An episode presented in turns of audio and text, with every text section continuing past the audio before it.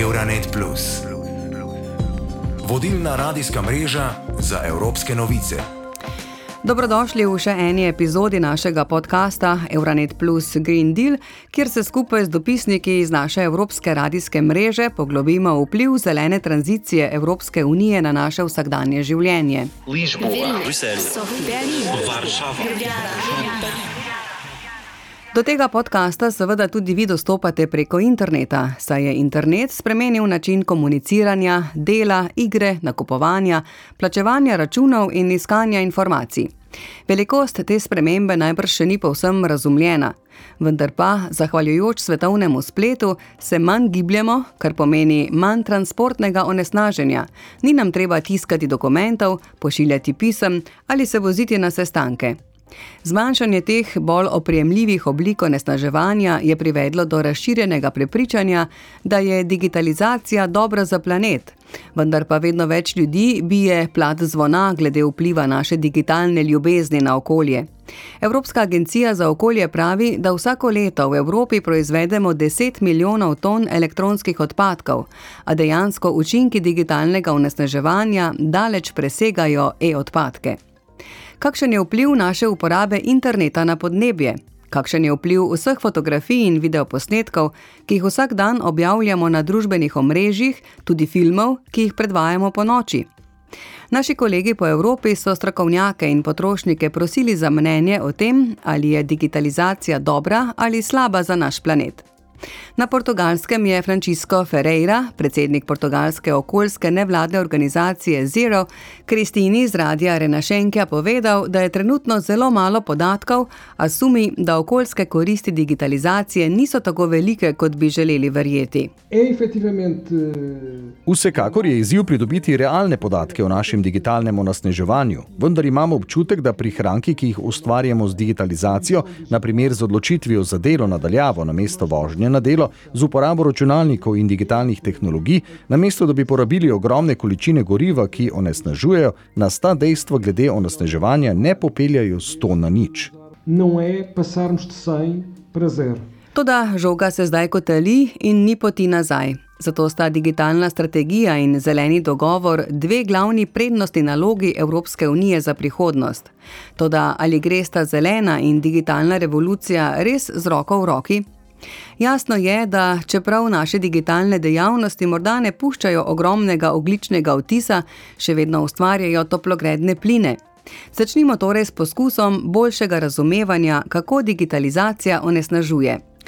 V Bruslju je Mirjam iz medijev RTBF pred mikrofon povabila Juliema Pitrona, novinarja, ustvarjalca dokumentarcev in avtorja, ki se še posebej zanima za digitalno onesnaževanje.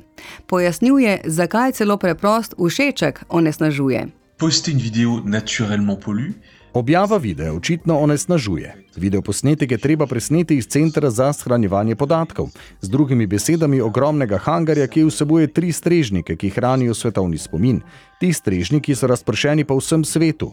Na Zemlji je 3 milijone podatkovnih centrov. Povezava s podatkovnim centrom pomeni, da imate v marico Wi-Fi, vlakna ali povezavo z anteno 4G. Razdalje do podatkovnega centra premustijo tudi podzemni ali podvodni kabli. Pravzaprav se za ogled preprostega videa, za pošiljanje preprostega všečka vsak dan, povežemo z velikansko infrastrukturo iz kovine, betona in optičnih vlaken. Infrastrukturo, ki jo poganja električna energija, proizvedena iz premoga, zemljskega plina, nafte ali urana. In ta infrastruktura postaja največja stvar, ki jo je človek kdaj zgradil. To onesnaževanje doživlja strmo naraščanje, preprosto zato, ker živimo v vedno bolj digitalnem svetu. Digitalizacija predstavlja približno 4 odstotke emisij toplogrednih plinov, to je več kot vsa letala, ki letijo nad glavo. S hitrostjo, ko naša digitalna uporaba raste, naj bi se do leta 2025 teh 4 odstotki izpustov toplogrednih plinov v treh letih podvojila. Ce chiffre-là, 4% des émissions de gaz à effet de serre, risque d'être multiplié par deux à l'horizon 2025, dans trois ans. Slišali smo, da se v digitalnem svetu nabira ogromno smeti, od nepotrebne elektronske pošte, datotek, aplikacij, dvojnikov fotografij in videoposnetkov. Kaj sploh želimo doseči z objavo? Pojasnjuje profesorica dr. Suzana Žilič-Fišer, predstojnica Inštituta za medijske komunikacije na Fakulteti za elektrotehniko, računalništvo in informatiko v Mariboru. Seveda so pa eh, objave zelo različne od tega, kaj v bistvu mi s temi objavami želimo početi. Torej, na področju digitalnega marketinga ne, je, eh, so aktivnosti, kjer seveda se ponujajo storitve in produkti, nekaj, kar dejansko zahteva zelo uh, aktivno in dinamično uh, objavo. Sveda na drugi strani pa, če uh, se ozremo na posameznika, ne, na državljana, ne, uh mhm. -huh. pa je seveda vprašanje nekega, neke lastne presoje, neke medijske in digitalne pismenosti, kaj dejansko želi s to objavo doseči. Ne. Zelo hitro smo sami ulovljeni v to, da smo kot uporabniki na eni strani, v istem trenutku pa smo dejansko producenti, torej se mhm. odzovemo in smo zelo hitro v tem kolesju, ki nas potegne. Eh, da vstopamo v te virtualne skupnosti, ki jih zelo hitro zamenjamo za uh, realne skupnosti. Za leto 2021 so analize pokazale, da je vsako sekundo 13 novih uporabnikov, kar kaže na izjemno rast. V Sloveniji so podatki višji od globalnega povprečja, saj je nekje 62 odstotkov ali pa še več aktivnih uporabnikov družbenih omrežij. Predvsem mladi komunicirajo preko omrežij kot so WhatsApp, TikTok, Instagram, kako naše objave vplivajo na posameznike. Resnici na ljubo dejansko velik del svojega dnevnega časa ne, namenimo um, delovanju na družbenih omrežjih, ki pa seveda funkcionirajo različno. Seveda največji preboj je doživel um, TikTok, torej na svetovni ravni. Obenem pa se zavedamo, da so s takšnim dostopom oziroma do tolikšnega deleža populacije, to je izjemen trg. Ta trg eh, kroji na nek način trende, trende uh, v, v okolju in seveda trende, uh, s katerim se zgledujejo posamezniki. Seveda pri tem pa jim seveda pomagajo algoritmi. Torej, mm. Algoritmi nas določajo, na nek način nam pomagajo, da lahko zadovoljujemo prav svoje potrebe, obenem pa nam ti algoritmi spodbujajo različne potrebe. Tako da je to nek začaran krok. Ne? In seveda zelo hitro smo ulovljeni s pomočjo uh, teh urodij v tisto, kar uh, bi želeli, oziroma v tisto, kar niti ne vemo, pa potem seveda izjemno želimo. Pa naj si bo to z vidika um, trendov, kako želimo videti sebe, kako želimo videti družbo, uh, mm. kako funkcioniramo nasploh. Podobno vprašanje so kolegi iz Radia Polske postavili polskemu sociologu Janu Spiveku, ki je navedel še negativen vpliv družbenih omrežij na človeško vedenje, tudi na potrošništvo in s tem na izpuste toplogrednih plinov. Instagram przede wszystkim myślę e, jest takim medium, które polega na. Menim, da je Instagram medij, ki se zanaša na družbeno razlikovanje. Pokazati moraš svoj uspeh, svoj denar, svoje sposobnosti.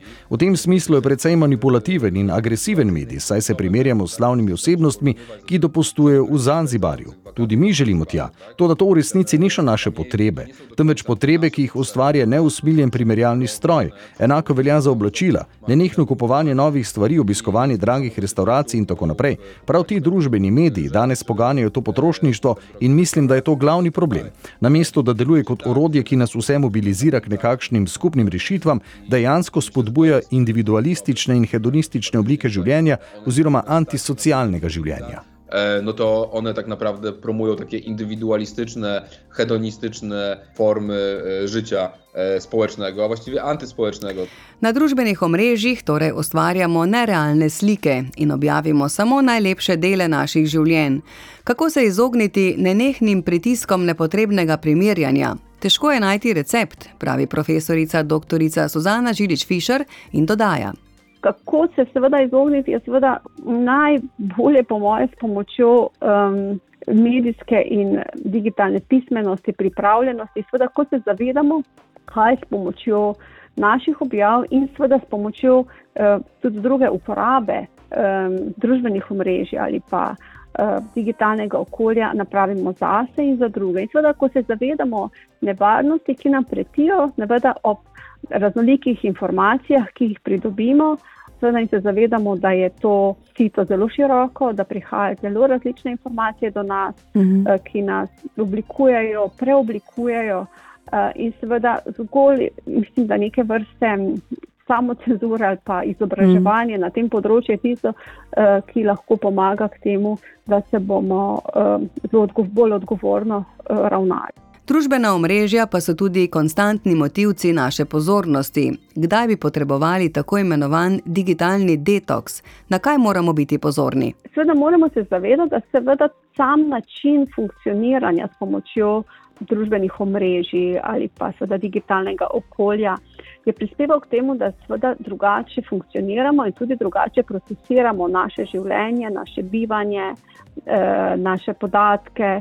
Sveda so generacije, ki seveda zelo veliko uh, časa preživijo in zelo veliko aktivnosti preživijo v tem digitalnem okolju, funkcionirajo zelo drugače. Te generacije zaznamuje tekmovalnost, multiopravilnost, uh, življenje in svet zaznavajo pa precej drugače. Imajo drugačen humor, mm. drugače uh, vidijo tudi uh, neke prioritete, in tako dalje.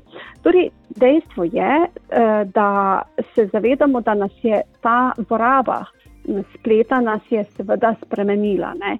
Zdaj, kako pa mi napraviti, da se bomo popolnoma izločili tega okolja, je seveda neko, neko vprašanje neke lastne presoje na eni strani ne?